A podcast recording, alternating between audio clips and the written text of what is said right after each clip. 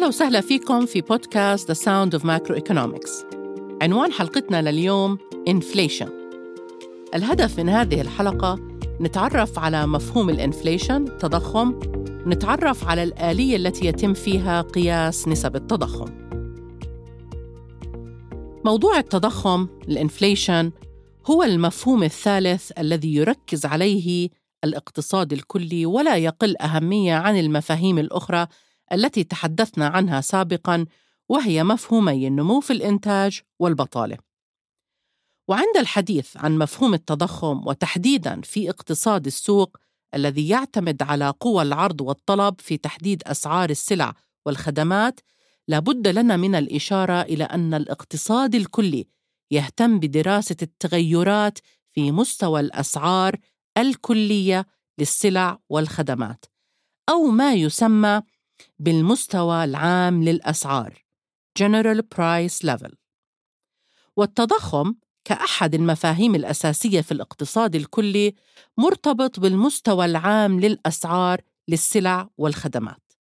إذا ما هو التضخم؟ وما هو المستوى العام للأسعار؟ وكيف يتم حسابه لاقتصاد ما؟ يعرف التضخم بأنه الزيادة المستمرة في المستوى العام للأسعار.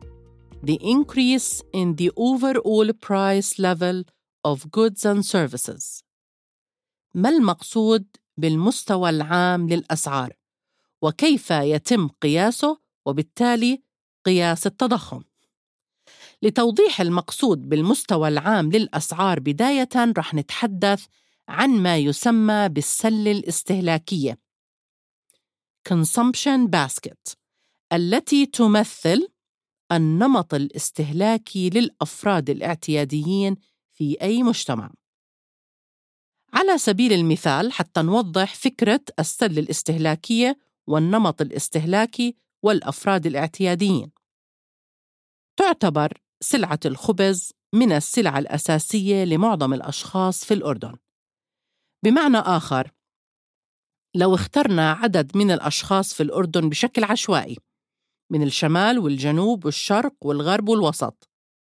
وسألناهم سألنا كل فرد من هؤلاء الأشخاص اللي تم اختيارهم بشكل عشوائي. هل بيستهلكوا الخبز؟ طبعا نتوقع إنه تقريبا 99% منهم إذا مش أكثر رح تكون إجابتهم نعم. يعني لو سألناهم اليوم بيستهلكوا الخبز أو هل كان الخبز ضمن المائدة رح يحكوا نعم. لو سألناهم بكرة أو بعد بكرة أو حتى على مدار أسبوع أو شهر رح تكون إجابتهم نعم الخبز يعتبر من السلع الأساسية في استهلاكنا اليومي أو الأسبوعي أو الشهري. إذا يعتبر الخبز في هذه الحالة من السلع التي تدخل في النمط الاستهلاكي للأردنيين. أي أن ارتفاع سعر الخبز سيؤثر عليهم وبالتالي لابد من أن تحتوي هذه السلة الاستهلاكية على سلعة الخبز. السبب أن هذه السلعة تمثل نمطا استهلاكيا للشعب الأردني أو للأشخاص اللي بيعيشوا في الأردن. خلينا ناخذ مثال آخر. لو سألنا نفس هذه المجموعة التي تم اختيارها بشكل عشوائي هل بتستهلك سلعة الكافيار وهو بيض السمك؟ يعني أكاد أجزم بانه النسبة لن تتجاوز نص بالمية إن لم تكن صفر بالمية رح تكون إجابتهم لا إنه هذه السلعة الكافيار لا يتم استهلاكها بشكل يومي وبالتالي يمكن اعتبار هذه السلعة اللي هي بيض السمك ليست ضمن النمط الاستهلاكي للشعب الأردني. وبالتالي ارتفاع سعر سلعة الكافيار لن يؤثر على الغالبية العظمى من السكان ولن يشكل بالنسبة لهم مشكلة اقتصادية.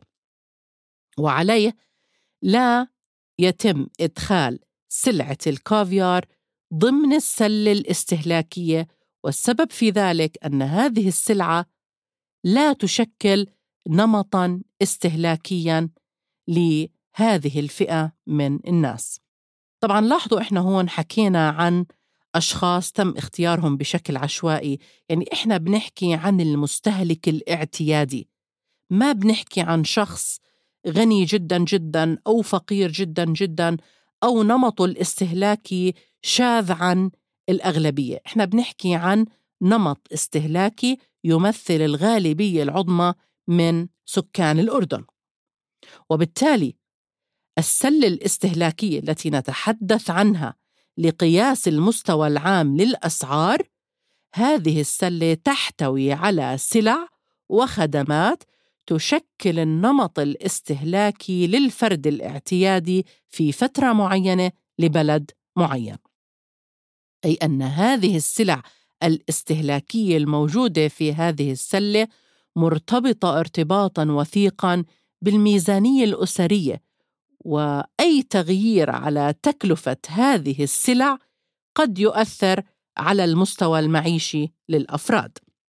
وبالتالي فإن تكلفة هذه السلة الاستهلاكية التي تمثل النمط الاستهلاكي إذا تم قياسها بالنسبة للتكلفة الاستهلاكية لنفس هذه السلة في وقت سابق هو بالنسبة لنا ما يمثل المستوى العام للأسعار وما يمكننا من حساب الرقم القياسي للأسعار. Price Index.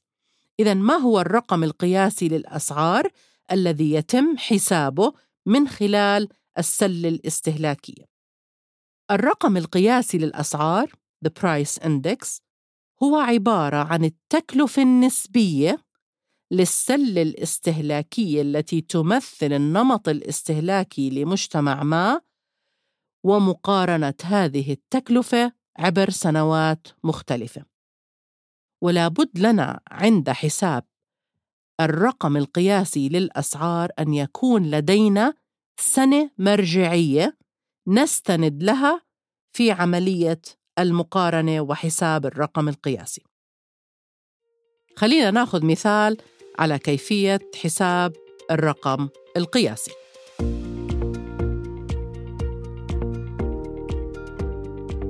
كيف نحسب الرقم القياسي للأسعار؟ لنفرض أن لدينا سلة استهلاكية معينة تمثل النمط الاستهلاكي في الأردن وهذه السلة تكلفتها في عام 2017 كانت 100 دينار. الآن نفس هذه السلة الاستهلاكية أصبحت تكلفتها تساوي في 2020 120 دينار. حتى نحسب الرقم القياسي للأسعار رح نقسم تكلفة السلة في 2020 على تكلفة نفس هذه السلة في 2017 حتى نحسب الرقم القياسي للأسعار ال price index وبالتالي رح نقسم تكلفة السلة اللي هي 120 دينار على التكلفة في 2017 اللي هي 100 دينار ورح يكون عندنا الرقم القياسي 120 رح نضرب الناتج في 100 ماذا يعني رقم قياسي للأسعار في 2020 مقارنة بال 2017 يساوي 120 معنى ال CPI أو ال Consumer Price Index في هذه السنة اللي هي 2020 أن تكلفة شراء نفس السلة الاستهلاكية في 2020 مقارنة بنفس السلة في 2017 ارتفع من 100 دينار إلى 120 دينار أي بزيادة مقدارها 20%. معنى ذلك إنه أنا كمواطن دخلي ثابت بين ال 2017 وال 2020 الآن التكلفة ارتفعت حتى أشتري نفس المقدار اللي كنت أشتريه في ال 2017 الآن أصبح بدي 20 دينار زيادة لشراء نفس الكميات. بما أنه دخلي ثابت أكيد ما رح يكون عندي قدرة لشراء نفس الكميات فبدي أضطر إما أقلل كمية الشراء من سلع معينة أو بدي أعمل عملية تبديل. الآن المستوى مستوى الرفاه الاجتماعي انخفض نتيجة ارتفاع الأسعار لأنه أصبحت القدرة الشرائية للدخل منخفضة. السبب وراء انخفاض القدرة الشرائية للدخل هو ارتفاع الأسعار أو ما تم الإشارة إليه اللي هو ارتفاع الرقم القياسي للأسعار أي أن هنالك تضخم في الاقتصاد. كيف نقوم بحساب نسبة التضخم؟ هنالك فرق بين نسبة التضخم وبين الرقم القياسي للأسعار. نسبة التضخم هي التغير النسبي للرقم القياسي للأسعار بين فترتين مختلفتين. فعلى سبيل المثال إذا كانت نسبة التضخم 5% معنى ذلك أن الزيادة النسبية في الرقم القياسي للأسعار تساوي 5%. لابد أن نذكر هون ونركز على أن الارتفاع المستمر في الأسعار أي التضخم يؤثر على القوة الشرائية للعملة حيث تنخفض وتصبح النقود أقل قدرة على شراء السلع والخدمات مما ينعكس على مستوى الرفاه العام للأفراد. سؤال حلقتنا لليوم على فرض أنه لدينا موظف براتب شهري يساوي 350 دينار. وإذا علمنا أن معدل التضخم قد أصبح 5% وأراد الموظف أن يطالب بزيادة سنوية ليتمكن من مجاراة الارتفاع في الأسعار وليحافظ على نفس المستوى المعيشي. فكم ستكون هذه الزيادة؟ انتهت حلقتنا لليوم. بانتظاركم في الحلقات القادمة وسعيدة بالإجابة على جميع استفساراتكم من خلال الموقع المخصص للمقترحات. بنشوفكم على خير.